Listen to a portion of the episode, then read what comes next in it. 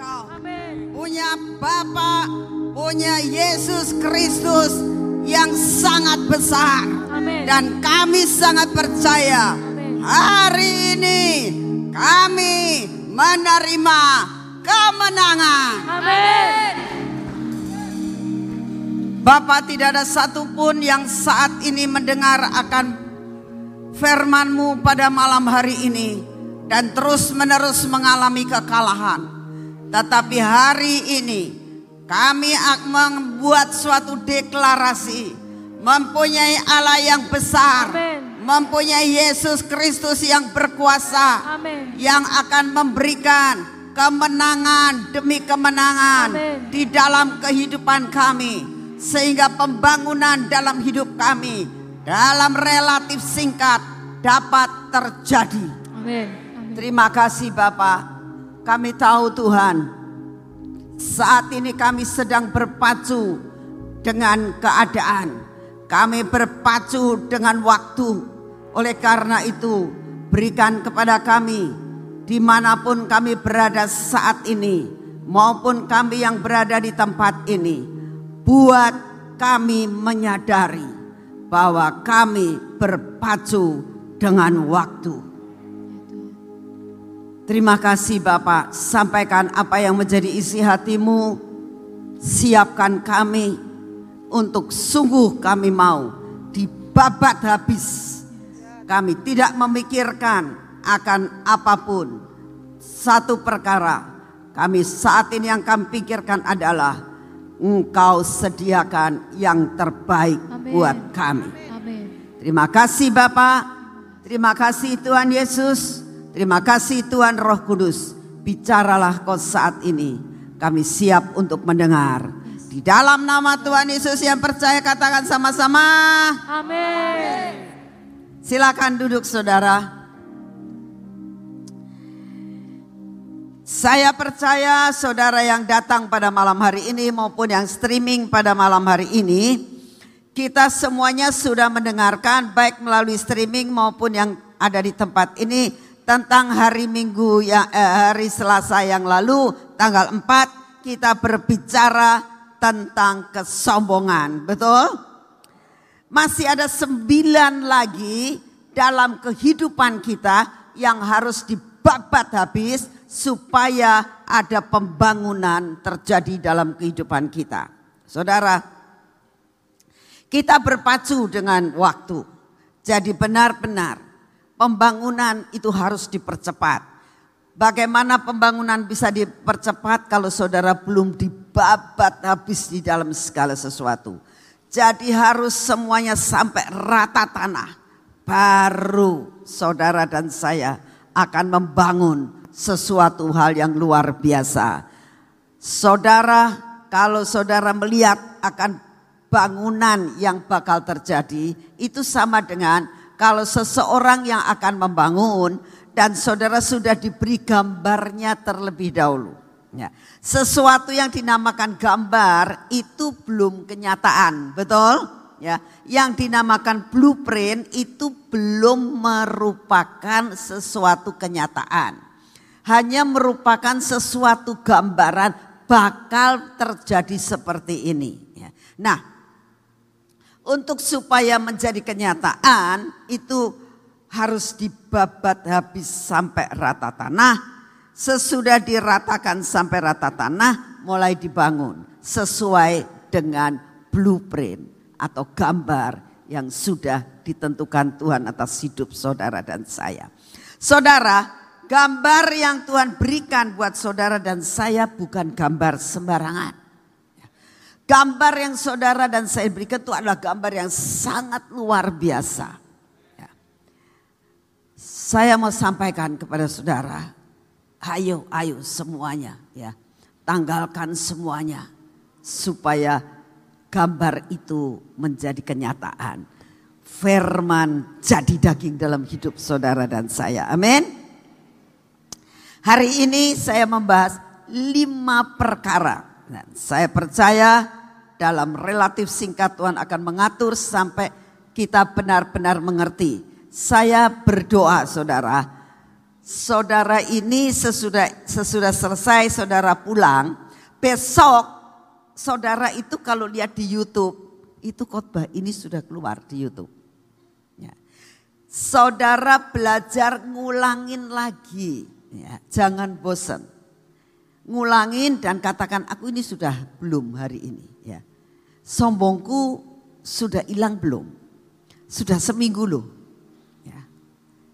Apa hal-hal yang saya hadapi? Ya. Lalu bagaimana saudara? Nah, saya banyak mengalami perkara-perkara selama satu minggu ini. Itu testing dalam hidup saya. Saya lulus enggak ya? Saya lulus enggak ya? Saudara, salah satunya Salah satunya ada seseorang ya, calok saudara, calok pembantu. Itu ngomong sama saya begini, saya akan tanya, mbak ini pembantu saya ini jadi balik enggak? Saya gitu. Saudara tahu jawabannya. Sangat saya kaget, dia ngomong. Makanya ibu itu jangan rewel. Pikir-pikir rewel apa ya saya itu ya. Itu pembantu kalau pembantu berani ngomong begitu. Makanya ibu tuh jangan rewel, ibu tuh jangan pelit. Tak pikir-pikir ya. Kok rasanya saya itu sama pembantu nggak pernah rewel. Sebab dari pagi sampai malam itu cuma sekali saya ketemu pembantu tuh malam kalau mau makan. Ya. Hari yang lain tuh dianya kerja sendiri segala sesuatu. Kalau di mau ngomong, ngomong pelit, gajinya gede banget dibandingkan dengan uh, pembantu yang lain. Saudara saya tahu ya. Ini bukan hal-hal yang dulu kalau saya sudah digitu tak damprak beneran. Ya. Langsung saya angkat telepon tak marahin. Ya. Tapi saya tahu Tuhan ini itu nguji aku tuh diomong kayak gitu sombong saya masih ada enggak. Harga diri saya diinjek-injek seperti itu gimana? Tapi heran, saya bilang, Tuhan saya kok nggak marah ya? ya. Saya tak biarkan sudah. Cuman akhirnya saya itu sesudah berdoa ya tak balesin. Mbak, terima kasih. Setelah saya pikir-pikir dengan masak, saya mengambil keputusan semua pembantu tidak usah balik saya bilang gitu. Ya. Terima kasih buat semuanya. Sudah selesai. Saudara, saya bisa membalas dengan baik. Ya. Tapi saya akan mengambil keputusan, tidak akan aku mau ketemu dengan mereka lagi. Ya. Tapi bukan berarti saya marah. Ya. Saya nggak ngomong macam-macam. Saya percaya tuh, saya bilang Tuhan ini ujian buat saya. Ya. Ini ujian buat saya. Apakah namanya harga diri yang seperti itu? Ya. Kamu marah tidak? Ya. Termasuk kesombongan saudara. Firman yang disampaikan. Ya. Mata kapak yang mencungkil, membabat habis. Itu bukan untuk saudara saya, untuk saya juga. Ya. Hari-hari ini saya mau belajar terus. Tuhan, aku tidak mau ketinggalan. Aku mau maju sampai garis akhir. Amin. Nah, sekarang kita belajar untuk session yang kedua. Ini mata kapak yang kedua. Ya, mata kapak yang pertama membabas habis kesombongan. Mata kapak yang kedua ini apa sih yang dibabat? Ya, apa yang dicungkil Tuhan katakan? Ini mata kapak panjang, runcing tujuannya untuk men cungkil. Apa yang dinamakan kepahitan. Hampir saya mau katakan setiap manusia yang ada di dalam dunia ini pernah yang dinamakan kepahitan. Jujur saudara. Ayo kita jujur di hadapan Tuhan. Siapa yang pernah mengalami yang dinamakan kepahitan? Coba angkat tangan. Saya percaya yang di atas pernah mengalami kepahitan. Kalau kepahitan itu seperti pel yang amat pahit, dijilat pun pahit, dirasakannya pahit, itu namanya kepahitan. Ya. Tapi hari ini Tuhan katakan, nak, apa pun yang saat ini kau alami, sampai membuat ada kepahitan dalam kehidupanmu, itu menghambat semua pertumbuhanmu. Itu menghambat berkat yang Tuhan sediakan buat hidupmu. Dan itu menghambat, membuat saudara dan saya pada waktu pengangkatan ditinggal saudara. Ya, saudara harus tahu ya, betapa sebenarnya kepahitan itu sangat berbahaya sekali. Menurut penelitian dokter, hampir kebanyakan orang yang sakit kanker itu karena kepahitan. Jadi akibatnya itu terlalu fatal. Oleh karena itu hari ini Tuhan katakan nak dicungkil itu ya pakai kapak yang runcing ya mata kapak yang runcing cungkil ya, itu mungkin keras dicungkil sampai habis kepahitan itu tidak mudah saudara saya pernah melayani seseorang orangnya kelihatan baik-baik. Tapi kenyataannya sudah hamba Tuhan loh. Seorang hamba Tuhan sudah melayani Tuhan. Bukan sembarangan hamba Tuhan sudah melayani Tuhan. Mendapatkan karunia yang sungguh luar biasa. Mendapatkan penglihatan segala macamnya. Pada suatu saat saya melayani di, di gerejanya. Selesai pelayanan dia ngomong begini, tante ya, lebih muda dari saya, masih muda banget. Tante tolong sih saya didoakan. Saya tuh, kamu minta didoain apa? Saya bilang, ya kau sudah jadi hamba Tuhan, kok masih minta didoain gitu loh. Tante yang kamu harus doain. bilang, Enggak tante, Tuhan tuh bicara sama saya tadi malam. Nanti kalau Ibu Nani pelayanan di gerejamu, kamu harus minta didoakan. Tante saya hanya minta didoakan karena saya juga memang kepengen ya. Tapi satu hal Tuhan bicara tadi malam jelas supaya tante doain saya.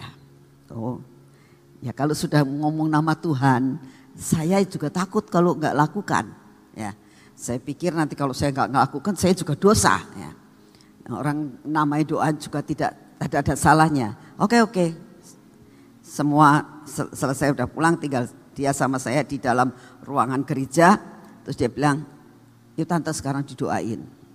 Istrinya nggak ada, saya nggak tahu tuh istrinya lagi di dapur atau bagaimana waktu itu. Hmm. Jadi saya doakan. Saya waktu mendoakan, saya benar kaget saudara saya ditunjukin sama Tuhan hati. Tapi di dalam hati yang paling dalam, di paling bawah sekali, itu ada batu hitam. Ya. Batu hitam yang di dalam uh, hati itu. Saya tuh sampai gak berani. Mengelihatan bener enggak sih saya pikir ya. Ini anak kalau saya lihat buahnya luar biasa saudara. Berbuah melayani Tuhan. Dan menurut pendapat saya dia mengasihi Tuhan. Kok seperti ini gitu. Terus gak hilang-hilang itu penglihatan. Jadi mau gak mau saya ngomong. Kamu ini kenapa ya? Saya bilang. Kok saya dapat penglihatan seperti ini saya harus sampaikan kepada kamu. Dia bilang, tante sampaikan tante. Aku sudah siap untuk dibongkar, kata dia. Jadi saya bilang, di dalam hatimu ini ada sebuah batu. Gak terlalu besar sih, tapi hitam banget. Ya. Rasanya sudah lama sekali batu itu di situ. Sampai sudah kebungkus dengan segala macam. Ya. Dan lama kelamaan kok grogotin hati kamu ini kalau tidak kamu buang dan dioperasi, saya bilang, kamu mati loh. Ini bukan masalah jasmani, Karena saya melihat itu bukan berarti di dalam hati kamu ada benar-benar ada batu empedu gak atau batu apa. Bukan, ini secara rohani. Ada sesuatu kepahitan dalam hidupmu. Dia nangis saudara. Dia nangis sampai seperti anak kecil. Saya biarkan selesai dari semua itu.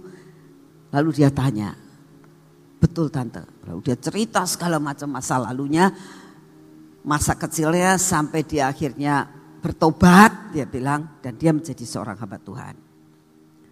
Saya bilang tapi kok kepahitan kamu nggak hilang-hilang ya sampai sekarang. Tante tolonglah aku mau tapi aku nggak sanggup.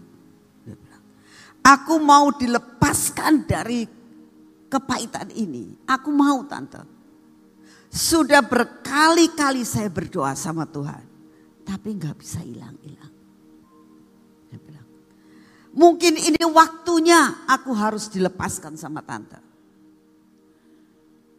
Saya berdoa Tuhan apa yang harus terjadi. Doain nak dilepaskan. Nah, saudara tahu pada waktu saya mendoakan dia. Ya, Tuhan ngomong cungkil itu nak. Cungkil itu. Nah, saya jadi melakukan tindakan profetik dalam nama Tuhan Yesus. Aku cungkil dengan firman Tuhan. Gitu, ya. Akhirnya nggak bisa keluar-keluar saudara.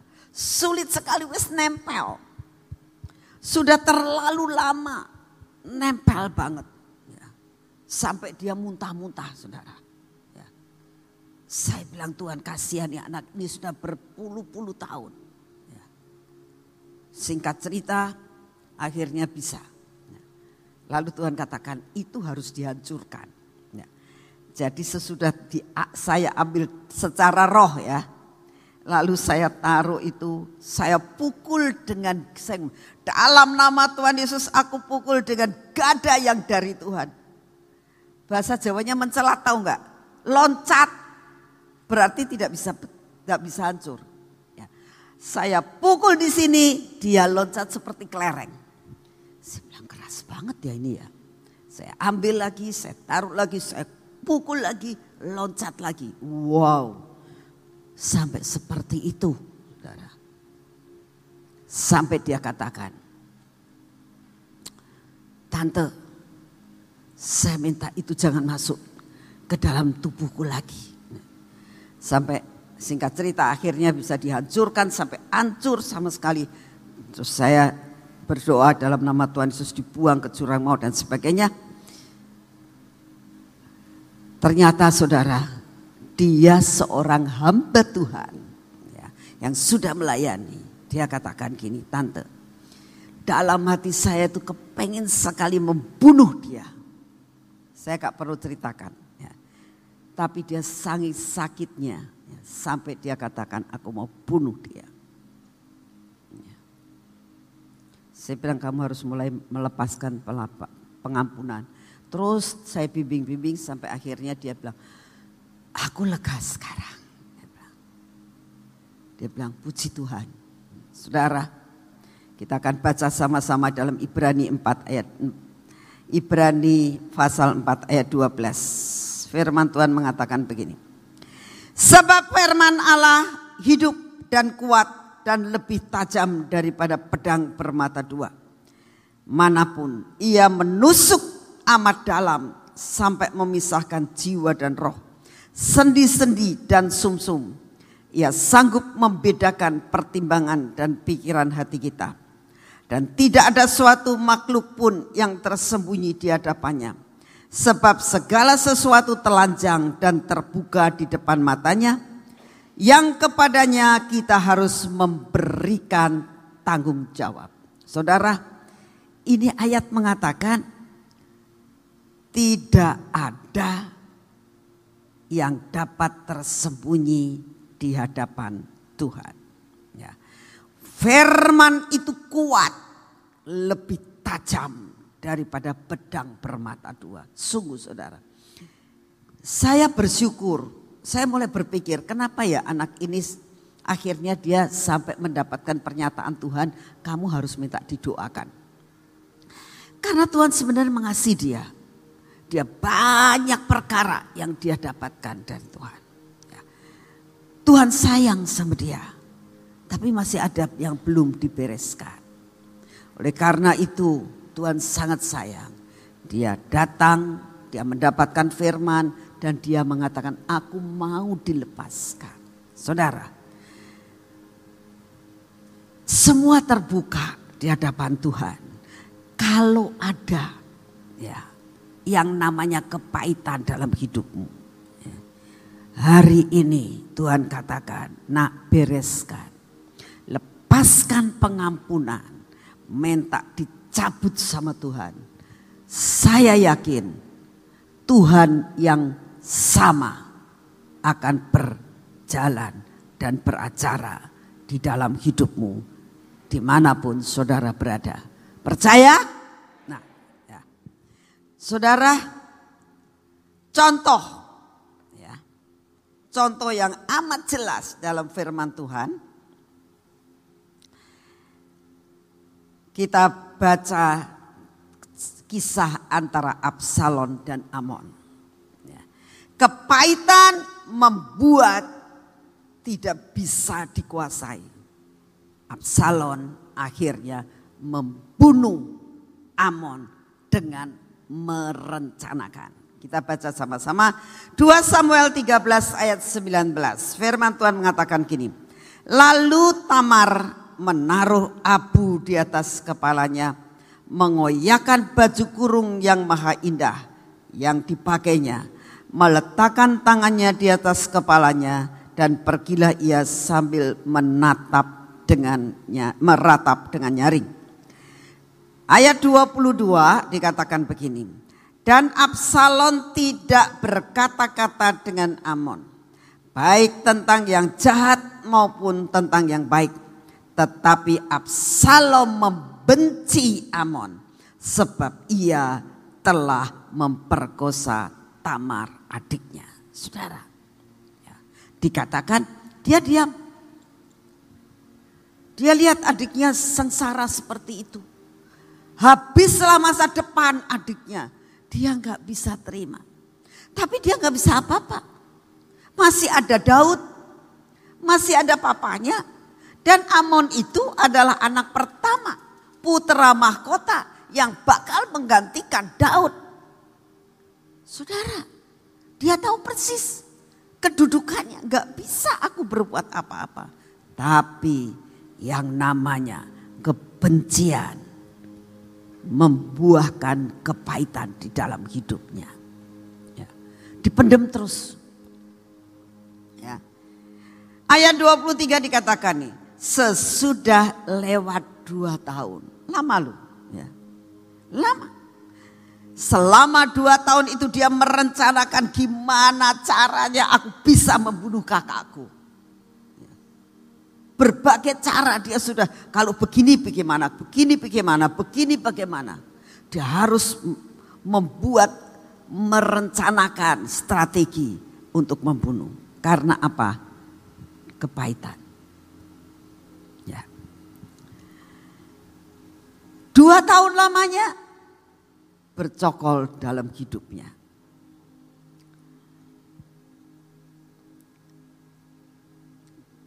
Saudara kita lihat di dalam ayat 23. Sesudah lewat dua tahun Absalom mengadakan pengguntingan bulu domba di Baal Basor yang dekat kota Efraim. Lalu Absalom mengundang semua anak raja. Kita ke ayat 28. Lalu Absalom memerintahkan orang-orangnya demikian. Perhatikan apabila hati Amon menjadi gembira karena anggur dan aku berkata kepadamu, paranglah Amon, maka haruslah kamu membunuh dia. Jangan takut, bukankah aku yang memerintahkan kepadamu. Kuatkan hatimu dan tunjukkan dirimu sebagai orang yang gagah perkasa, saudara. Benih ada dalam hidupnya selama dua tahun. Kebencian, kepahitan terus melanda ya, sampai merencanakan sesuatu. Nah, buat Amon sudah berbuat yang tidak benar, dia merasakan dia adalah putra mahkota, ya.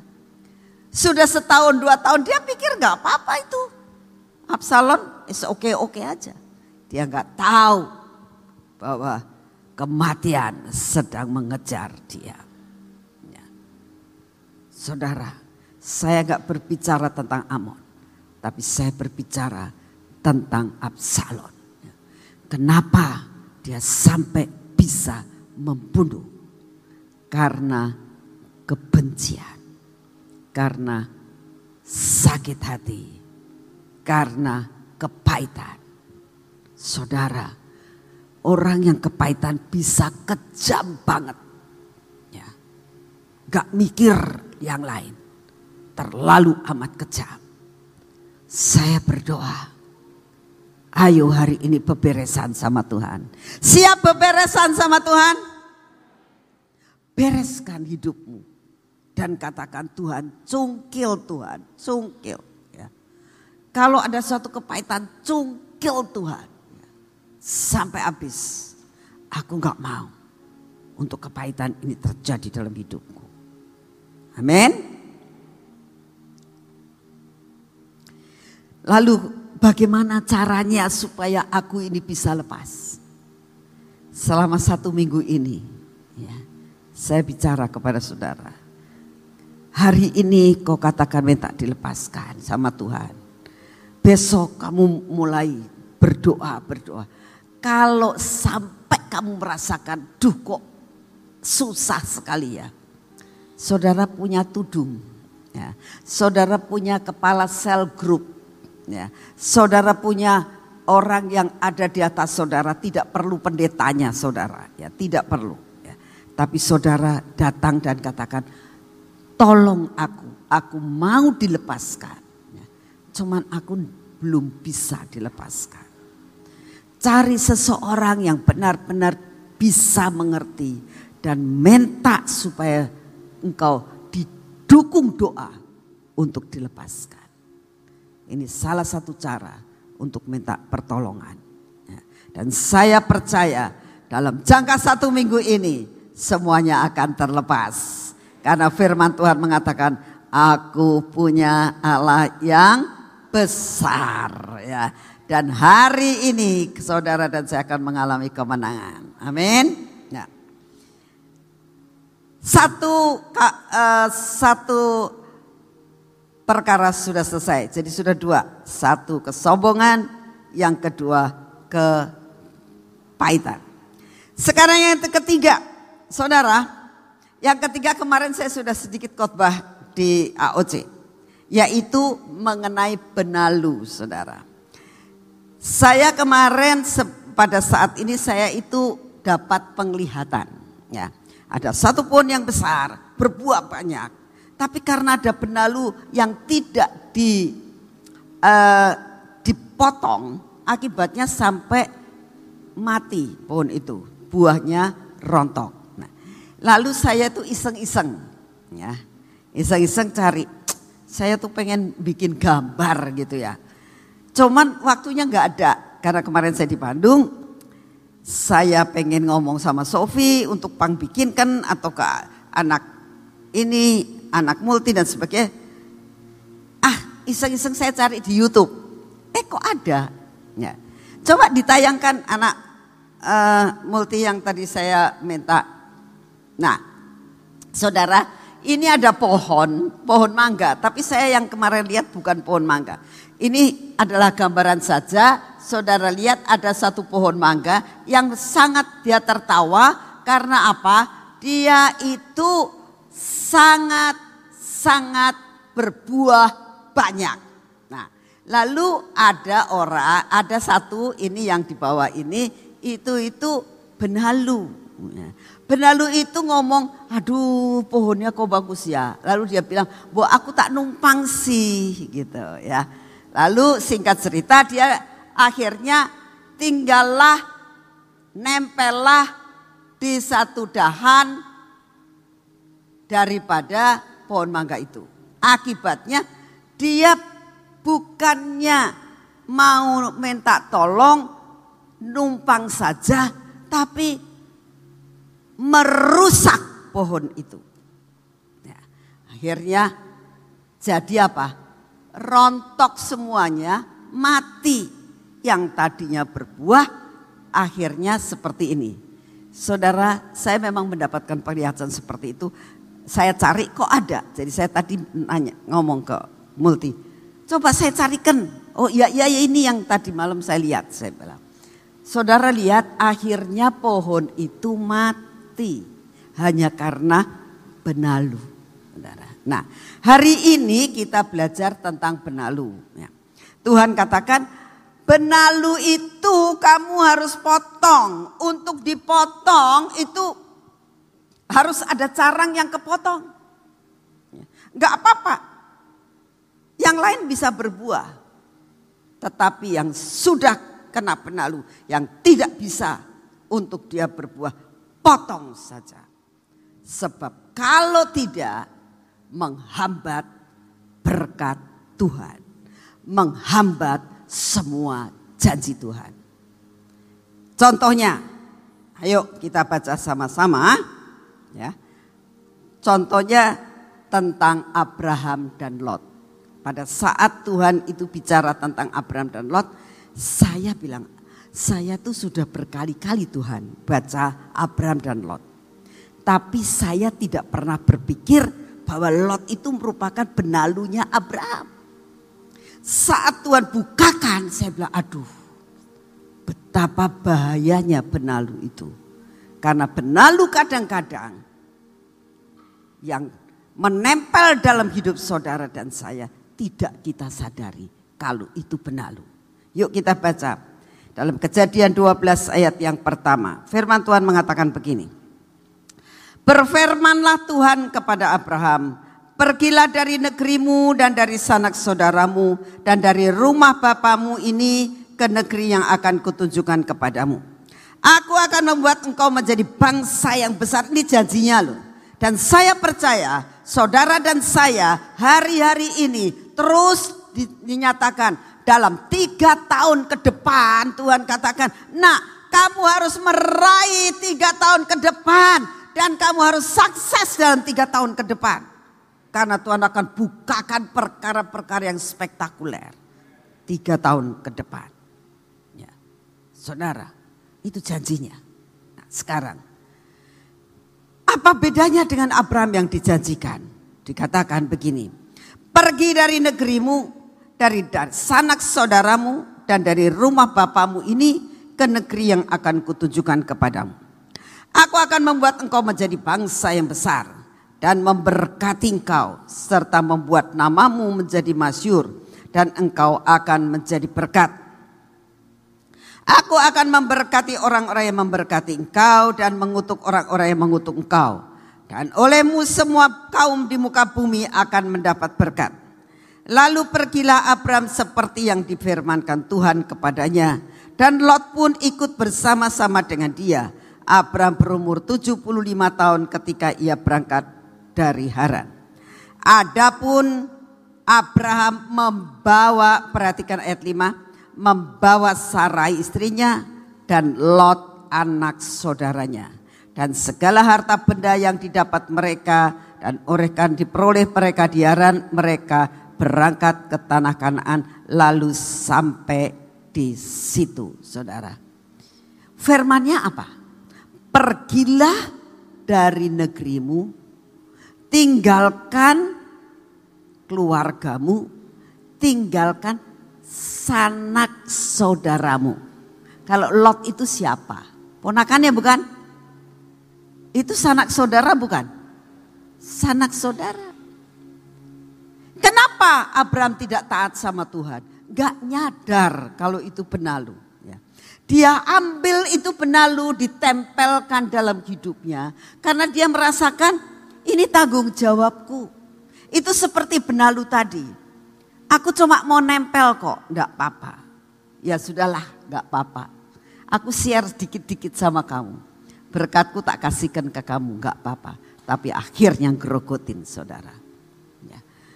Ini yang namanya Lot itu masih sanak saudaranya. Tuhan bilang tinggalkan.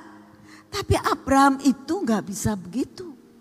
Karena dia merasakan pengen jadi pahlawan saudara ya. Dia merasakan Lot itu sudah gak punya papa. Aku yang tanggung jawab pikirnya. Ya. Bahkan Lot dipisahkan dari orang tua, dari mamanya. Harusnya Lot itu dikatakan Lot, kamu sudah tidak punya papa. Kamu harus tanggung jawab kepada mamamu yang ditinggal oleh papamu. Harusnya kan begitu. Kok malah diambil? Karena pengen jadi pahlawan. Dia merasakan, ya akulah yang tanggung jawab, biarlah ikut saya. Saudara. Nah, jangan sekali-kali saudara itu menjadi pahlawan. Dan akhirnya men, menafsirkan firman Tuhan menurut keinginan diri sendiri. Sudah jelas, tinggalkan sanak saudaramu tapi dia nggak mikir ke situ. Bahkan dia ambil Lot, diajak sama-sama. Lalu saudara akan berpikir, tapi kok diberkati? Iya diberkati karena Abraham yang diberkati. Begitu Abraham diberkati, ya otomatis Lot ikut keberkatan. Ya. Tetap. Tapi kita lihat saudara. Kita baca di dalam ayat Kejadian 13 ayat 3. Kejadian 13 ayat 3. Ia berjalan dari tempat persinggahan ke tempat persinggahan dan dari tanah Negeb sampai dekat Betel di mana kemahnya mula-mula berdiri antara Betel dan Ai. Juga Lot dikatakan yang ikut bersama-sama dengan Abraham mempunyai domba dan lembu dan kemah. Ayat yang kelima yang dikatakan begitu. Ayat yang keenam, tetapi negeri itu tidak cukup luas bagi mereka untuk diam bersama-sama. Sebab harta milik mereka amat banyak sehingga mereka tidak dapat diam bersama-sama. Sesek akhirnya. Ya. Kenapa sesek? Diberkati sih. Abraham diberkati luar biasa. Lot ikut keberkatan. Ya. Ayat 7. Karena itu terjadilah perkelahiran antara para gembala Abram dan para gembala Lot. Waktu itu orang Kanaan dan orang Feris diam di negeri itu. Saudara dikatakan benalu itu mulai mengganggu. Ya. Benalu itu mulai mengganggu. Akhirnya ribut. Ya. Mulai mengganggu. Lah kok begini? Saya bersyukur. Karena apa? Abraham menyadari akan hal itu. Abraham menyadari dia bertobat. Ya, dia katakan aku harus potong benalu ini. Ya, aku nggak bisa kompromi lagi dengan benalu. Ya, saudara jangan sekali-kali kompromi dengan benalu harus dipotong habis. Ya. Ayat 8. Maka berkatalah Abraham kepada Lot, janganlah kiranya ada perkelahian antara aku dan engkau dan antara para gembalaku dan para gembalamu sebab kita berkerabat. Bukankah seluruh negeri ini terbuka untuk engkau? Baiklah pisahkan dirimu daripadaku jika engkau ke kanan maka aku akan ke kiri, jika engkau ke kiri aku akan ke kanan. Saudara sadar tak potong. Saudara hari ini Tuhan bicara kepada saudara apa? Apa yang menjadi benalu? Saudara, benalu bukan masalah masalah yang kecil, ya. tapi awal pertama kali adalah kecil. Ya. Ada seorang yang sekarang menjadi seorang hamba Tuhan dia punya hobi. Kalau saudara tanya hobi itu boleh enggak sih Bunani? Boleh. Firman Tuhan mengatakan apa pun engkau lakukan itu boleh. Asalkan engkau bisa memprioritaskan Tuhan lebih dari hobimu. Punya mobil bagus boleh enggak? Boleh. Punya pesawat boleh enggak? Boleh kalau punya duit. Tapi jangan sampai apa yang kau miliki itu menjadi berhala dalam hidupmu dan menyisihkan Tuhan dalam hidupmu. Ya. Benalu itu grogotin saudara. Nah anak ini terikat oleh seorang bintang film ya, yang menjadi idolanya. Ya. Sampai dia membeli baju-baju yang bintang film itu punya. Sampai dia berani mengorbankan makan, uang uangnya, makannya diirit supaya bisa membeli baju itu. Ya. Sampai dia beli kaset-kasetnya. Nah, pada suatu saat Tuhan mulai ngomong, ngomong itu benalu jadi kamu harus buang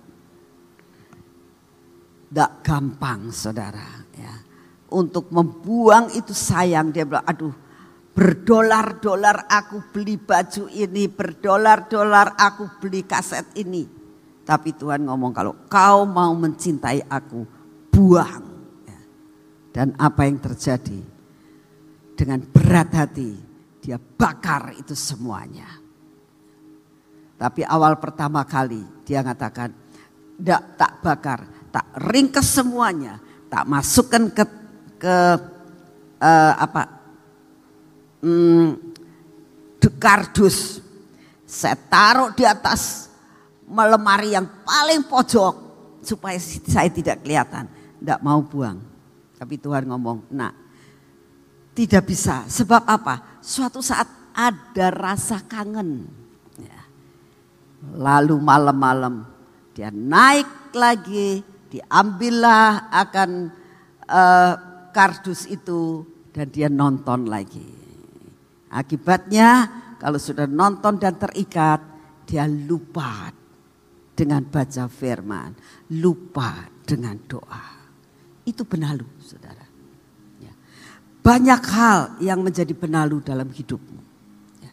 Hari ini Tuhan katakan aku sediakan kemenangan karena punya Allah yang besar. Amin.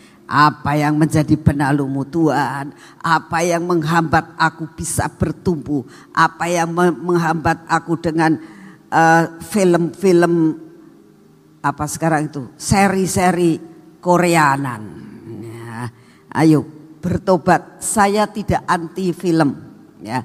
Tapi kalau kamu membuat itu sampai menjadi terikat seperti benalu tadi, saudara harus lihat pohon tidak bisa berbuah. Saudara harus tahu. Teruskan.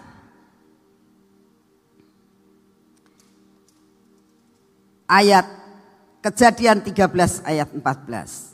Setelah Lot berpisah daripada Abraham, berfirmanlah Tuhan kepada Abraham. Kenapa dikatakan ini setelah Lot berpisah dari Abraham. Karena apa? Sudah dipotong penggenapan janji Tuhan ada. Lalu Tuhan katakan, nah yang kaya begini ini loh yang aku mau. Maka aku katakan, dikatakan lagi. Pandanglah sekelilingmu, lihat dari tempat engkau berdiri ke timur, barat, utara, dan selatan. Sebab seluruh negeri yang kau lihat itu akan kuberikan kepadamu dan kepada keturunanmu dan untuk selama-lamanya. Dan aku akan menjadikan keturunanmu seperti debu tanah banyaknya. Sehingga jika seandainya ada yang dapat menghitungnya debu tanah keturunanmu amat sangat banyak. Ayat Fatsal 15 ayat 5. Lalu Tuhan membawa Abram keluar serta berfirman, coba lihat ke langit. Hitung itu bintang-bintang. Engkau dapat menghitungnya. Maka firmannya kepadanya, demikianlah banyaknya nanti keturunanmu. Nah, dikasih firman lagi, diingatkan. Kamu ingat kan? Aku pernah berfirman begitu, tapi kenyataan kamu gak dapet toh. Karena apa? masih punya benalu kamu. Ayo benalunya dipotong. Sesudah dipotong apa yang terjadi? Kejadian 21 ayat 1. Tuhan memperhatikan Sarah seperti yang difirmankannya dan Tuhan melakukan kepada Sarah seperti yang dijanjikannya. Maka mengandunglah Sarah dan ia melahirkan seorang anak laki-laki bagi Abraham. Dalam masa tuanya pada waktu yang telah ditetapkan sesuai dengan firman Allah kepadanya. Saudara, keturunan itu adalah benih perlipat kali gandaan. Ingat, keturunan adalah perlipat kali gandaan. Ya. Saudara, ada orang punya anak satu, cucunya sepuluh. Ya perlipat kali gandaan enggak? Hah? Iya. Keturunan itu perlipat kali gandaan. Walaupun Abram cuma punya anak satu. Ya. Tapi dikatakan akhirnya Ishak punya anak berapa? Dua kan? Kembar. Siapa namanya? Esau dan Yakub. Dari satu menjadi dua. Dari dua yang Yakub anaknya berapa? 13. Karena dia punya anak satu perempuan. Ya. Dari dua. Jadi 13. Dari mereka memencar segala sesuatunya bertambah-tambah. Itu namanya multiplikasi. Tahu? Kalau saat ini kau rasakan aku ini kok berkatnya kok terhambat terus terhambat terus selidiki Tuhan kayaknya aku tuh punya benalu loh belum tak potong. Sebagaimana Ishak tidak lahir-lahir 25 tahun nunggu gak lahir-lahir karena apa? Ada benalu. Sesudah benalu itu dipisahkan Lalu Ishak lahir. Saudara. Ingat. Pokoknya malam ini. Yang kedua, yang ketiga ini tentang penalu. Minta sama Tuhan. Tuhan hari ini kemenangan sudah kau sediakan. Cabut babat habis penaluku. Supaya multiplikasi terjadi atas hidupku. Amin. Amin. Ya. Lalu di dalam kejadian 21 dikatakan pada waktu yang telah ditetapkan. Ya. Jadi kadang-kadang Tuhan itu sesudah motong kamu. Wah ini anak sudah benar-benar bertobat. Cespleng jadi langsung terjadi multiplikasi. Tapi in his time ada waktunya. Kadang-kadang seperti pohon arah begitu dikatakan kamu tidak usah berbuah. Besoknya baru kering. Ya. Tidak langsung. Tapi satu perkara janji Tuhan multiplikasi akan menjadi milik saudara. Ya. Yang penting lepaskan dirimu dari benalu-benalu yang ada menggerogoti hidupmu. Amin. Ya. Lalu ini yang keempat. Sudah tiga kan tadi? Satu kesombongan, ya kan? Terus dua apa? Kepahitan. Yang ketiga, ya. Sekarang yang keempat. Yang keempat itu mencungkil mata. Nah, nih sekarang ya.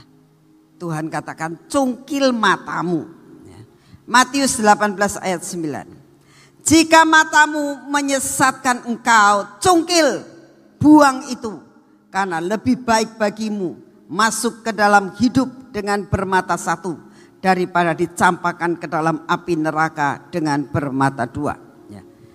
Mata yang bagaimana sih Tuhan yang harus dicungkil? Banyak mata keranjang, perlu dicungkil. Ya. Mata yang bagaimana? Mata yang menyesatkan. Ya. Mata yang membuat engkau menjadi sesat. Ya. Contohnya siapa? Lot. Ya. Kita baca dalam kejadian 13 ayat 10. Lalu Lot melayangkan pandangnya dan dilihatnya bahwa seluruh lembah Yordan banyak airnya. Seperti taman Tuhan, seperti tanah Mesir sampai ke Soar. Hal itu terjadi sebelum Tuhan memusnahkan Sodom dan Gomora. Sebab itu Lot memilih baginya seluruh lembah Yordan. Lalu ia berangkat ke sebelah timur dan mereka berpisah. Nah, saudara, mata yang menyesatkan seperti Lot. Ya. Begitu lihat sesuatu hal yang luar biasa, langsung mengambil keputusan. Saudara, saat ini banyak yang ditawarkan. Ada seorang hamba Tuhan yang mendapatkan penglihatan. Dia bilang begini, saya kok mendapatkan penglihatan ya. Bahwa semua orang sedang berjalan menuju kepada satu tujuan. Tapi di tengah jalan mereka itu mampir lagi, mampir lagi, mampir lagi, mampir lagi. Sampai pada waktu ke sana sudah tutup. Nggak bisa masuk. Karena apa? Mampir, mampir, mampir, mampir. Kenapa? Karena banyak yang menggiurkan. Matamu menyesatkan. Contohnya apa saudara? Saudara saya percaya dengan sekarang adanya COVID-COVID yang seperti ini. Hampir semua ibu rumah tangga di rumah. Bapak-bapak juga di rumah. Jadi kalau lagi nganggur apa yang dilakukan? lihat Instagram, betul nggak? Di sini saya mau tanya, di sini siapa yang tidak pernah lihat Instagram? Gak ada toh, kecuali emak-emak yang usianya sudah 80 tahun. Tuh, saya aku saya juga kadang-kadang lihat Instagram, apa yang saya lihat? Yang saya lihat adalah tingkah laku cucunya saya. Macam-macam, saya bilang bikin saya tertawa. Saya lihat. Nah, dalam Instagram itu tidak sekedar seperti itu. Tapi di Instagram itu ditawarkan segala macam. Loh, kadang-kadang saya rada ketarik, Saudara. Ketariknya begini. Ini panci kok macam-macam ya, bisa dipakai ini, dipakai ini, dipakai ini, dipakai ini, dipakai ini gitu. Rada ketarik loh. Cuma saya bilang, kapan saya mau masak? Udahlah enggak. Lalu kadang-kadang melihat ada orang yang memang nggak punya pembantu, ada Xiaomi sekarang tuh bisa robot, bisa uh, apa ngepel sendiri. Sebetulnya dia bisa untuk ngepel, uang untuk membeli itu nggak ada. Tapi karena dia bilang iya ya, sekarang itu zamannya kan eh, seperti itu, dia ada-adakan. Yang penting gesek saja. Hati-hati. Ini termasuk mata yang menyesatkan. Ya. Tidak sedikit yang ditawarkan. Ya. Tidak sedikit saudara. Suatu saat saya pernah terjadi. Pada waktu itu saya lupa apakah saya di Amerika atau di Kanada atau di Australia saya lupa. Tapi satu perkara yang ingat begini, saya diajak untuk melihat real estate saat itu ya. Saya lihat rumah, iya ya kok bagus ya rumah ini gitu. Nyaman banget karena itu memang rumah contoh.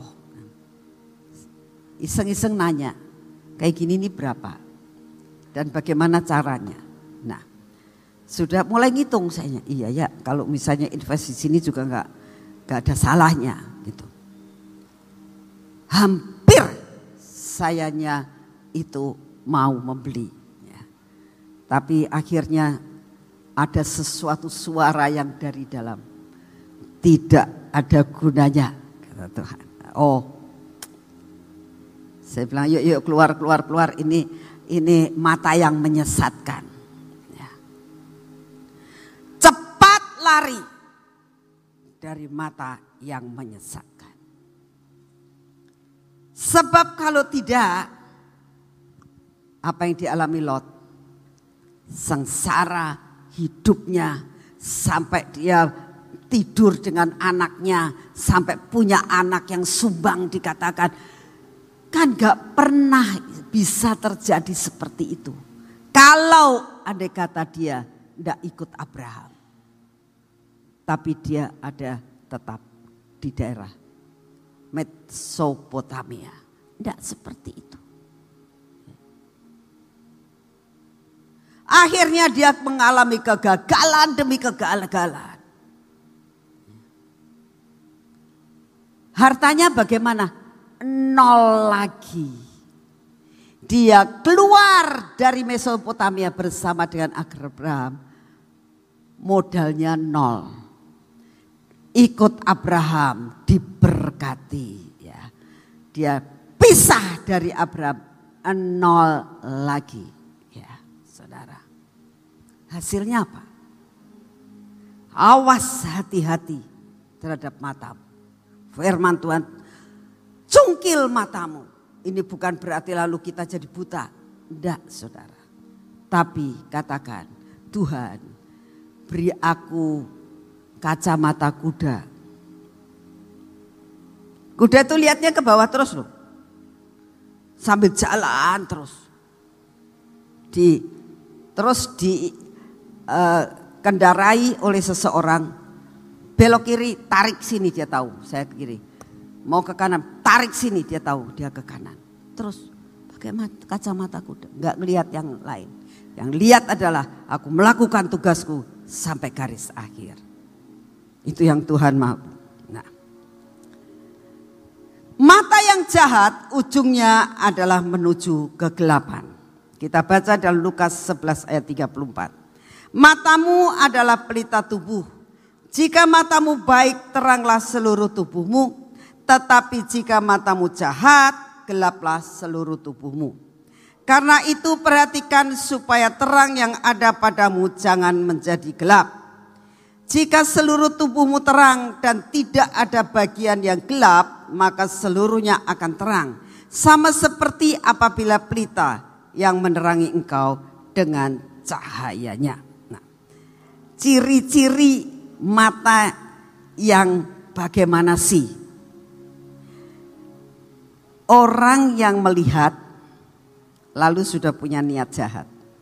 Itu mata yang menyesatkan. Ya. Mata yang selalu iri kalau melihat orang lain punya. Kenapa aku nggak punya ya? Awas hati-hati mata yang tidak pernah puas dengan apa yang Tuhan beri. Sudah dikasih ini pengen ini, dikasih ini pengen ini, dikasih ini pengen ini, terus menerus. Nah, yang seperti itu itu adalah mata yang jahat. Kita lihat akan apa yang dialami oleh matanya Laban, ya. Kita lihat dan kejadian 24 ayat 29. Ribkah mempunyai saudara laki-laki namanya Laban. Laban berlari keluar mendapatkan orang itu di mata air tadi. Ini cerita tentang Ribkah mau dilamar. Ya. Ribkah pulang, ya. Dia ketemu Laban, ngomong begini. Hei, gelangmu kok sampai dari sini kamu sampai ke sini? Gelangmu kok banyak segitu? Anting-antingmu kok sampai panjang. Kalungmu kok banyak. Dari mana kamu dapat itu semua? Matanya mulai melihat. Oh, ada orang tuh di sana. Kenapa orang itu tiba-tiba ngasih ke kamu? Ya karena dia tak kasih minum. Lalu dia lari ketemu Eliezer dan mengatakan, Tuhan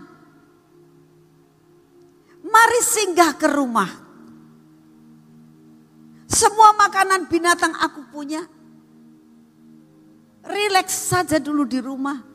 Makan-makan dengan aku. Karena apa? Dia melihat semua yang dipakai sama Ribka. Ini mata yang menyesatkan. Hati-hati. Jangan iri dengan orang yang punya. Itu memang haknya dia. Itu memang berkatnya dia. Kalau saya mau bayar harganya, saya pasti bisa memiliki. Kalau saya mau bayar harganya dan itu jatah saya, pasti akan jadi menjadi milik saya. Betul?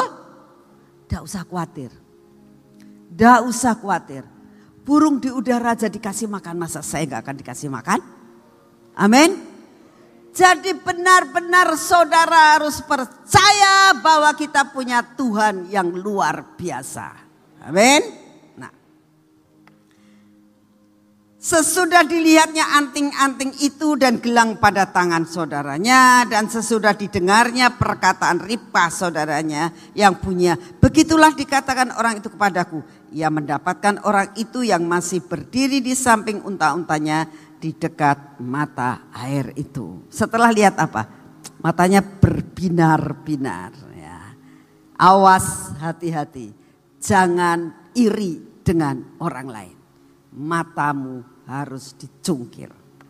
Ya. Amin saudara. Ya. Selanjutnya.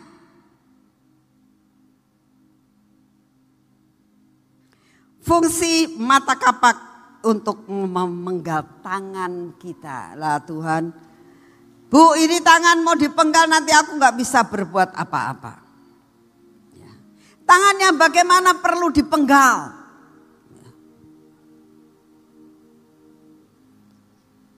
Matius 9 ayat 43 dikatakan begini. Jika tanganmu menyesatkan engkau penggal karena lebih baik engkau masuk ke dalam hidup dengan tangan kudung daripada tangan utuh kedua tanganmu dibuang ke dalam neraka, ke dalam api yang tidak terpadamkan. Di tempat itu ulatnya tidak akan mati dan apinya tidak akan padam. Apa artinya memenggal tanganmu? Tangan yang menyesatkan itu yang perlu dipenggal saudara. Tangan yang menyesatkan itu yang bagaimana? Tangan yang selalu melakukan perkara-perkara dosa. Ya, perlu dipenggal. Caranya bagaimana? Tuhan engkau kontrol tanganku untuk tidak melakukan sesuatu yang tidak benar. Seorang suami yang tangannya selalu ringan untuk memukul istrinya. Penggal itu. Ya. Menta dicabut semuanya. Seorang ibu atau seorang ayah yang selalu memukul anak-anaknya dengan kekerasan. Penggal itu. Karena itu yang Tuhan tidak suka. Ya. Hari-hari ini ayo koreksi diri. Ya. Penggal tangan. Kita akan baca sama-sama. Ya. Apa yang dialami oleh kejadian tiga ayat yang keenam. Perempuan itu melihat bahwa buah pohon itu baik untuk dimakan. Dan sedap kelihatannya lagi pula pohon itu menarik hati karena memberi pengertian. Lalu apa yang dilakukan? Ia mengambil dari buahnya. Mengambil buah pakai apa? Pakai tangan. Dan memakannya dan diberikannya juga kepada suaminya yang bersama-sama dengan dia. Dan suaminya pun memakannya. Saudara, saya waktu baca dikatakan dan suaminya dan diberikannya juga kepada suaminya yang bersama-sama dengan dia. Saya itu lagi mikir, kalau bersama-sama dengan dia, itu waktu itu hawanya itu sendirian atau bareng-bareng sama Adam. Kalau benar-benar dia itu bareng-bareng sama Adam, lalu diajak jalan-jalan sama ular, terus dia bujuk-bujuk-bujuk, lalu Hawa itu ngambil buah dimakan. Waduh sedep eh. Yang ini enak ya. Terus dikasihkan. Goblok banget loh. Terus uh. Bener gak sih? Yang dapat firman kan Adam. Harusnya, wis jangan. Kamu kok begitu sih? Harusnya. Tapi saya tidak tahu karena tidak jelas dalam Alkitab. Tapi dikatakan dia bersama-sama diberikan kepada suaminya yang bersama-sama dengan dia. Penafsirannya saya tidak tahu. Tapi saudara, kenapa Hawa sampai mengulurkan tangannya karena sudah ada keinginan pengen ngerasakan. Saya berdoa jangan pengen ngerasakan saudara. Karena itu yang membuat kamu bisa jatuh dalam dosa. Langsung ngambil. Langsung pengen ngicipin. Langsung tangannya ngambil. Ya.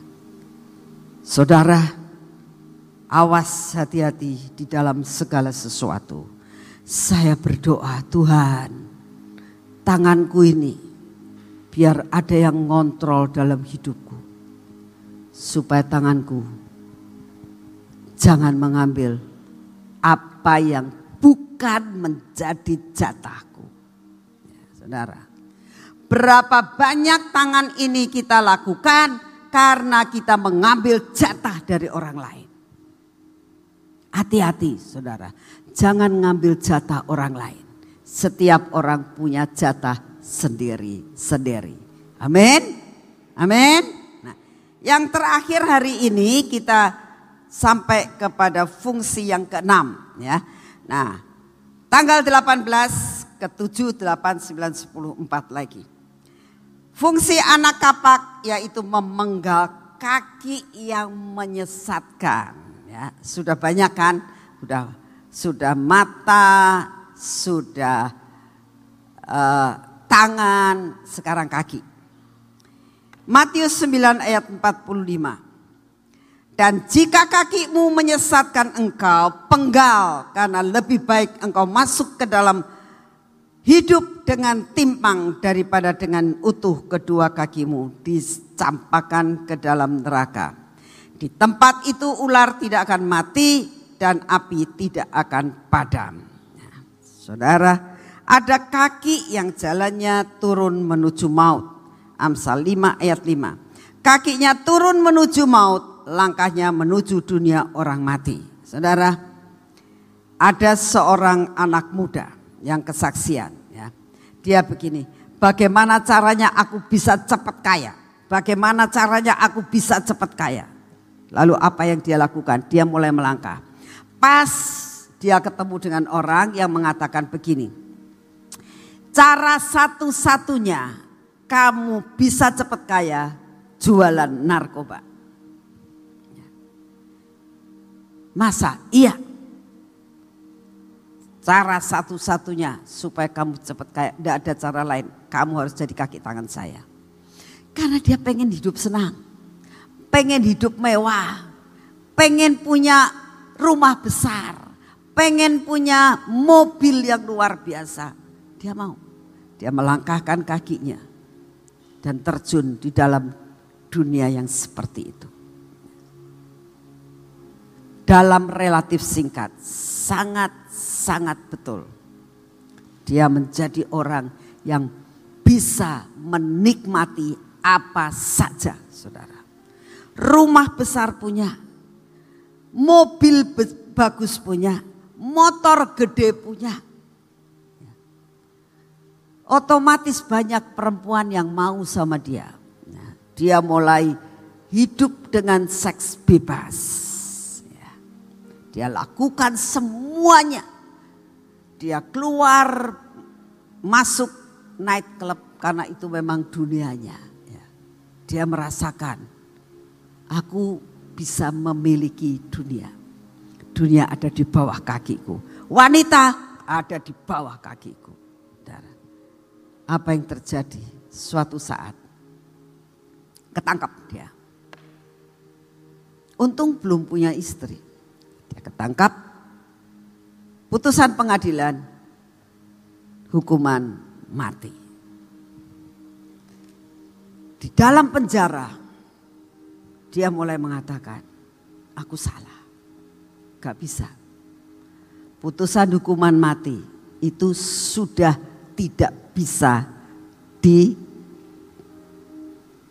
kembali.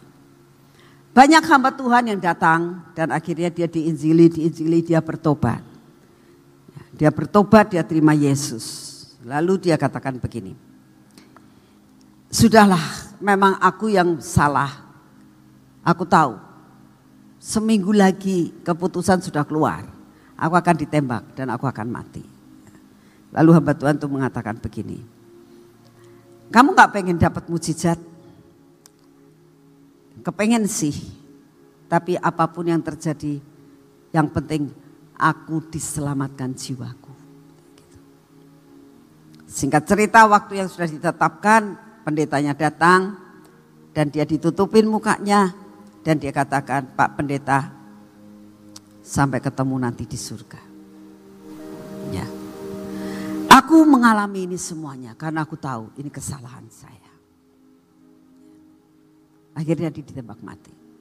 Saudara, apa hasilnya? Langkah yang salah membuat fatal dalam hidupmu. Hati-hati di dalam mengambil keputusan. Mengambil langkah-langkah yang ada di depan kamu. Contoh yang kita akan belajar adalah mengenai Yunus. Ya. Kita bersyukur Yunus itu masih dapat ampun. Kalau saya jadi Tuhan, orang gak niat kayak gitu, masukin ke di, udah dimakan ikan sekalian aja biar. Tapi Tuhan itu begitu amat sayang. Karena apa? Tuhan punya visi dan misi buat Nineveh. Kadang-kadang saya mikir, Ya Yunus gak mau Tuhan bisa cari yang lain. Tapi Tuhan itu maha kasih. Kita baca di dalam Yunus 1 ayat 3. Tetapi Yunus bersiap untuk melarikan diri ke Tarsus. Jauh dari hadapan Tuhan. Ia pergi ke Yavo dan mendapatkan di sana sebuah kapal yang akan berangkat ke Tarsis. Ia membayar biaya perjalanannya, lalu naik kapal itu untuk berlayar bersama-sama dengan mereka ke Tarsis, jauh dari hadapan Tuhan. Dia disuruh pergi ke Nineveh. Dia nggak mau melarikan diri. Ya. Terjadi musibah. Lalu ayat 12 dia katakan gini, angkat aku campakkan aku ke dalam laut. Maka laut akan menjadi reda dan tidak menyerang kamu lagi. Sebab aku tahu bahwa karena akulah badai ini menyerang. Sadar dia. Ya wislah lebih aku baik aku mati. Tapi Tuhan itu sangat mengasihi Yunus. Dimuntahkan lagi. Tiba-tiba dia sudah ada di Niwe Wis nggak usah naik kapal, nggak usah naik apa. Dalam perut ikan tiga hari. Keluar-keluar sudah di Nineveh. Dia lihat, ini sini Nineveh. Ya. Lalu dia sadar, firman harus jadi. Lalu dia keliling, singkat cerita, seluruh negara itu bertobat luar biasa. Saya berdoa supaya pada hari ini saudara dan saya masuk ke dalam doa. Ya. Kita akan berdoa, mari saudara anak-anak yang pelayanan, song leader, singer, pemain musik maju ke depan. Benar-benar minta Tuhan memotong semuanya lima perkara hari ini dibabat habis dalam hidupmu.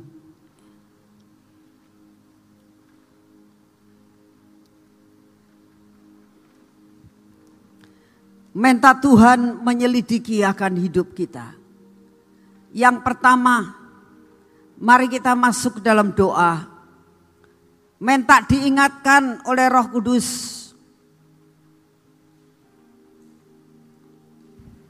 Lepaskan pengampunan kepada setiap orang yang menyakiti hatimu. Jangan sampai kepahitan membuat maut merenggut seseorang. Dan akibatnya saudara dan saya masuk di dalam perangkap ini lepaskan pengampunan. Selidiki dalam hidupmu. kalau ada benalu-benalu yang perlu untuk dipangkas habis. Coba selidiki matamu Apakah engkau tidak puas dengan apa yang Tuhan berikan? Berapa banyak suami-suami yang tidak puas dengan istrinya? Dan mulai matanya melihat akan wanita lain. Zaman sekarang banyak sekali wanita-wanita yang tidak puas dengan suaminya dan melirik matanya kepada laki-laki lain.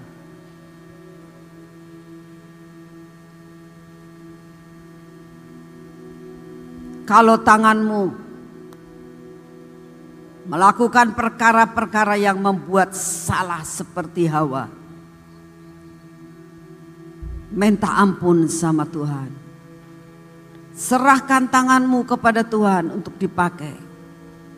Tuhan menciptakan kita sempurna, bukan untuk melakukan perkara yang tidak benar.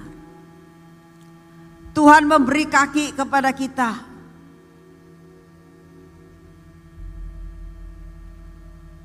bukan untuk perkara yang dosa.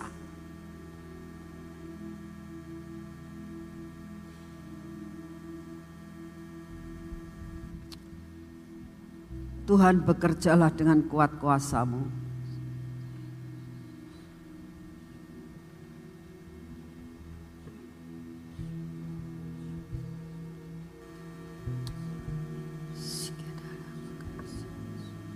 Minta dibasuh dengan darah Yesus. Kita nyanyikan basuh aku di dalam darahmu Tuhan.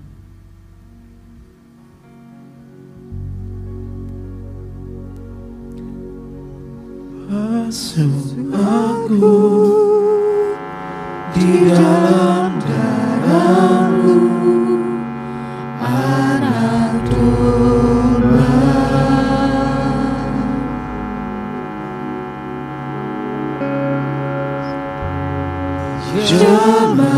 bibir luruskan hatiku dengan rohmu.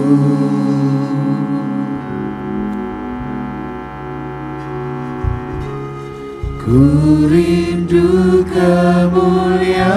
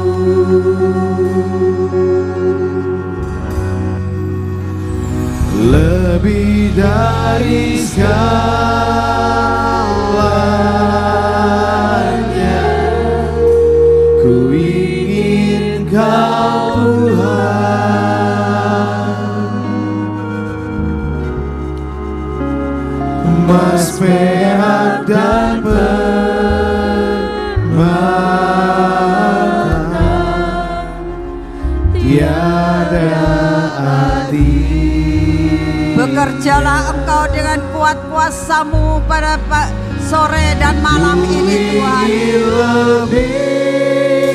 Bekerjalah Tuhan. Tuhan Roh Kudus selidiki akan anak-anakmu. Engkau cabut semua kepahitan yang ada dalam nama Tuhan Yesus. Semua kepahitan-kepahitan yang ada dalam nama Tuhan Yesus. Saudara berdoa dalam bahasa roh. Saya minta saudara berdoa di dalam bahasa roh. Minta supaya dicabut semuanya. Ya rata rabakaya sakarata lama nama kaya se. Di dalam nama Tuhan Yesus. Semua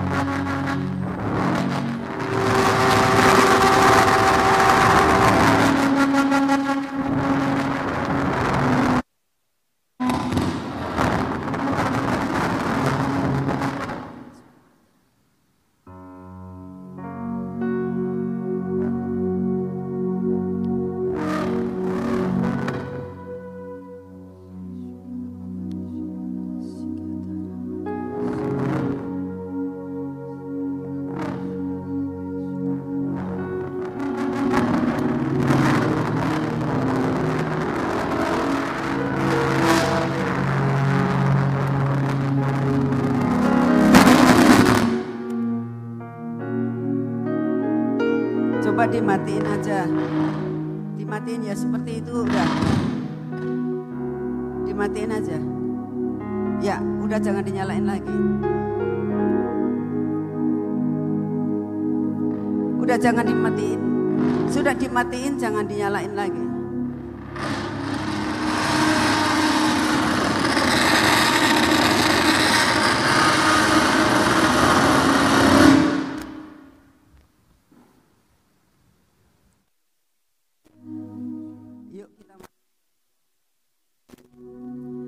Tahu bahwa iblis tidak tinggal diam, tapi kami tahu punya Tuhan yang berkuasa, yang melebihi dari segala-galanya.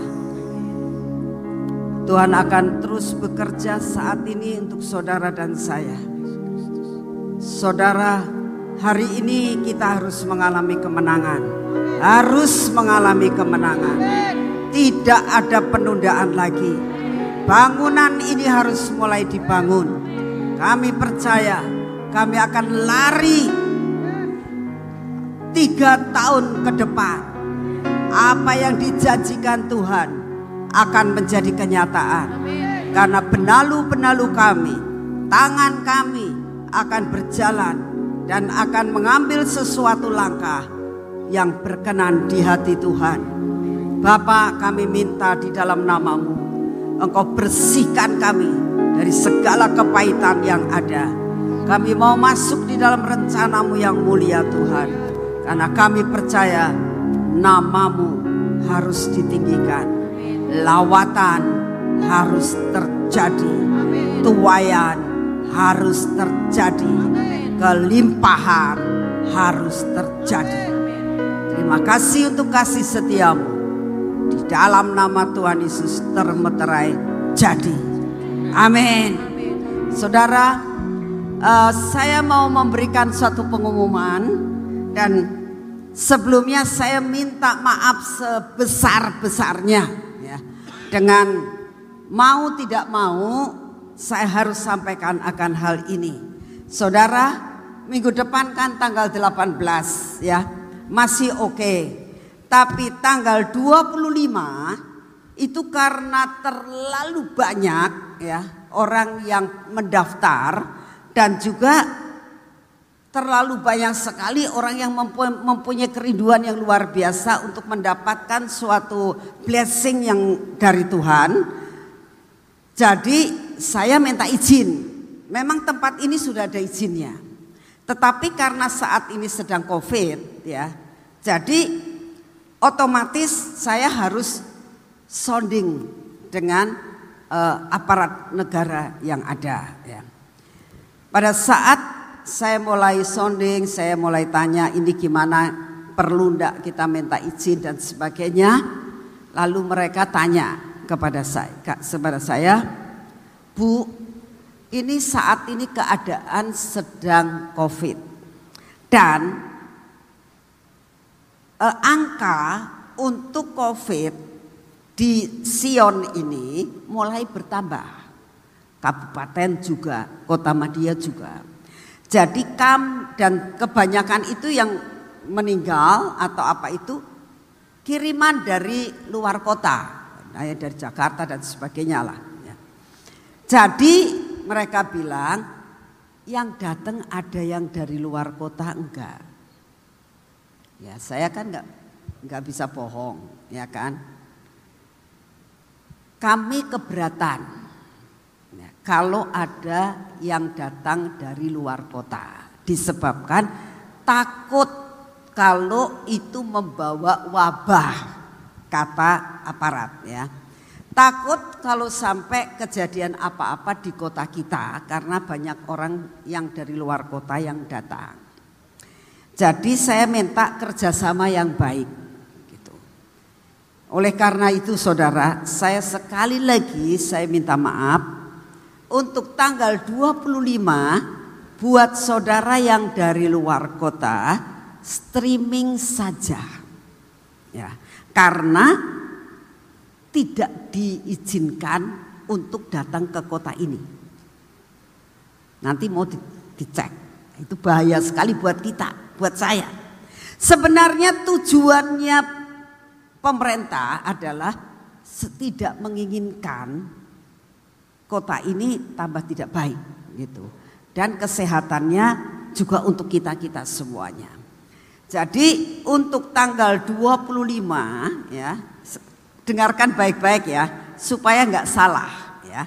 Jangan nanti kamu nyampaikannya salah ya. Kalau kamu mau nyampaikan dengerin pengumuman Ibu Nani saja, suruh lihat di YouTube supaya kamu tidak menyampaikan sesuatu hal yang salah ya. Kalau keluar dari mulut saya di tempat ini sudah pasti tidak salah. Tapi kalau saudara nyampaikan kepada orang lain itu bisa ditambahi dikurangi. Jadi bikin penafsiran yang lebih tidak baik ya. Jadi saya umumkan untuk tanggal 25 streaming saja. Ya. Tetapi buat saudara yang sudah daftar, sudah dapat barcode maupun yang sudah daftar, itu tetap akan kalau mungkin di Jakarta atau saudara ke gereja mana di situ ada PSC-nya, saya akan kirim minyaknya ke sana. Tapi kalau saudara tidak, setiap orang akan dikirimin minyak itu. Tetap saudara bisa pengurapan sendiri. Ya. Tetap minyak itu dapat. Saat ini sedang ditampung terus dan saya percaya minyak itu akan cukup bahkan lebih. Amin. Dan itu setiap orang akan saya kasih mungkin tidak satu botol satu botol kecil ya. Tetapi tetap saya kasih minimal setengah botol kecil itu saudara akan terima. Ya. Bukan kalau per keluarga itu akan saya tambahin ini ya satu botol ini nanti buat satu keluarga, mama, papa dan anak-anaknya. Itu pasti cukup. Ya. Tapi kalau kamu single itu akan dikirimin. Ya. Ini untuk menjaga saya bisa kerjasama dengan aparat dan mengikuti peraturan yang saat ini ada. Ya. Karena sesudah di, di uh, apa inventaris semuanya, sangat-sangat banyak sekali. Ya. Saya sih senang saja saudara datang. Tapi persoalannya saya harus mengikuti apa yang dikatakan oleh pemerintah. Ya. Mereka sangat keberatan. Bukan berarti aku keluar kota, eh, aku luar kota berarti aku kena covid. Bukan, bukan, bukan. Cuma menjaga jangan sampai menjadi batu sandungan untuk orang lain. Ya. Jadi saya sangat berharap saudara bisa mengerti ya tanggal 25 itu lebih baik streaming ya. Nanti dikirimin akan minyak itu pasti dapat. Tidak ada satupun yang tidak dapat. Kalau tidak dapat tidak dapat misalnya belum sampai saudara boleh memberitahukan kepada multimedia ya. Saya belum dapat, nanti akan dicatat nama saudara, alamatnya dan sebagainya, pasti dikirimin. Ya. Untuk kiriman saya mau katakan saya menjamin pasti saudara akan dikirimi karena saya ngontrol sendiri. Ya. Saya tidak serahkan kepada orang lain. Itu minyak akan dikontrol oleh saya sendiri. Minyak itu akan dihitung oleh saya sendiri dan itu akan dikirim sesu nanti ada yang ada yang ditugaskan untuk mengirim ya. dan saya percaya tak doakan supaya tidak ketriwal dan hilang di jalan ya. sekali lagi saya minta maaf dalam perkara ini disebabkan karena demi keamanan kita semuanya ya. itu yang ingin saya sampaikan ya. saya harap sekali lagi kalau saudara ditanya eh pengumumannya apa lihat di YouTube aja Ibu Dani sudah ngomong apa ya. Sebab kalau saudara nyampaikan dari orang ke orang, dari orang ke orang nanti ditambahi dikurangi. Nanti kemudian, oh nggak boleh, soalnya Ibu Nani dilarang ini itu. Bukan dilarang. Tetapi dihimbau untuk hal seperti ini. Ya. Mari saudara kita bangkit berdiri, kita berikan yang terbaik untuk Tuhan. Bapak kami sudah menerima berkatmu yang berkelimpahan. Saat ini kami datang di hadapan-Mu Tuhan. Biarlah Engkau sendiri yang berbicara kepada kami. Berapa berkat yang akan kami berikan kepadamu. Ini bukan kami memberkati Engkau Tuhan. Karena kami tahu bahwa semua kekayaan di bumi ini adalah milikmu. Kami ingin memberikan yang terbaik untukmu karena kami sudah engkau berkati. Terima kasih untuk anugerahmu di dalam nama Tuhan Yesus. Amin. Silakan memberikan yang terbaik buat Tuhan. Silakan saudara maju ke depan.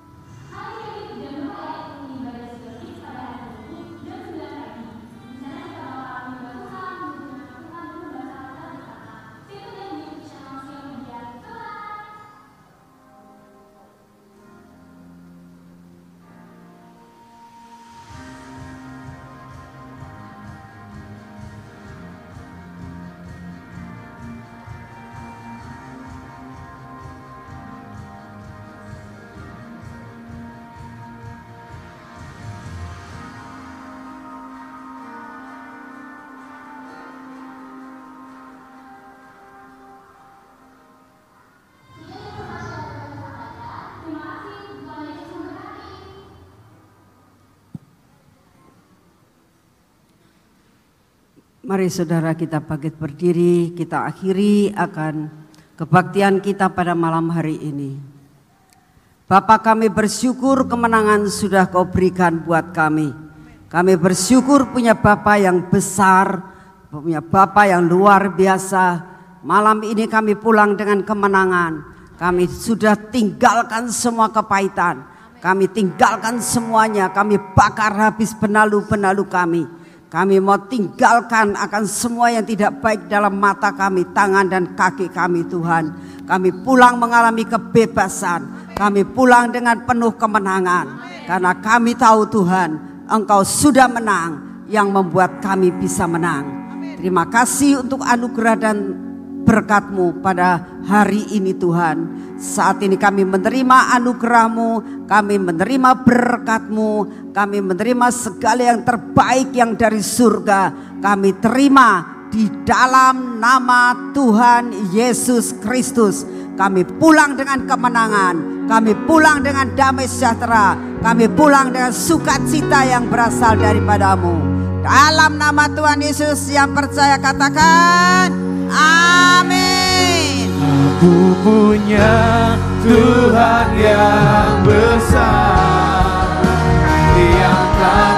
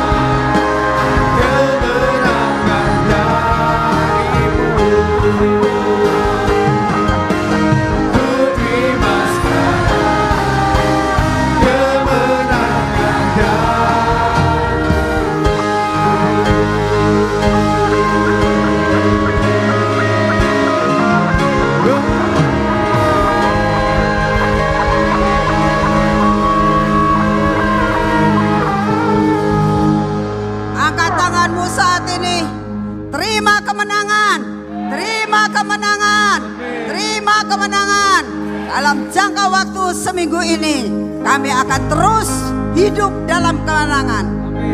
Hidup dalam kemenangan. Hidup dalam kemenangan. Dalam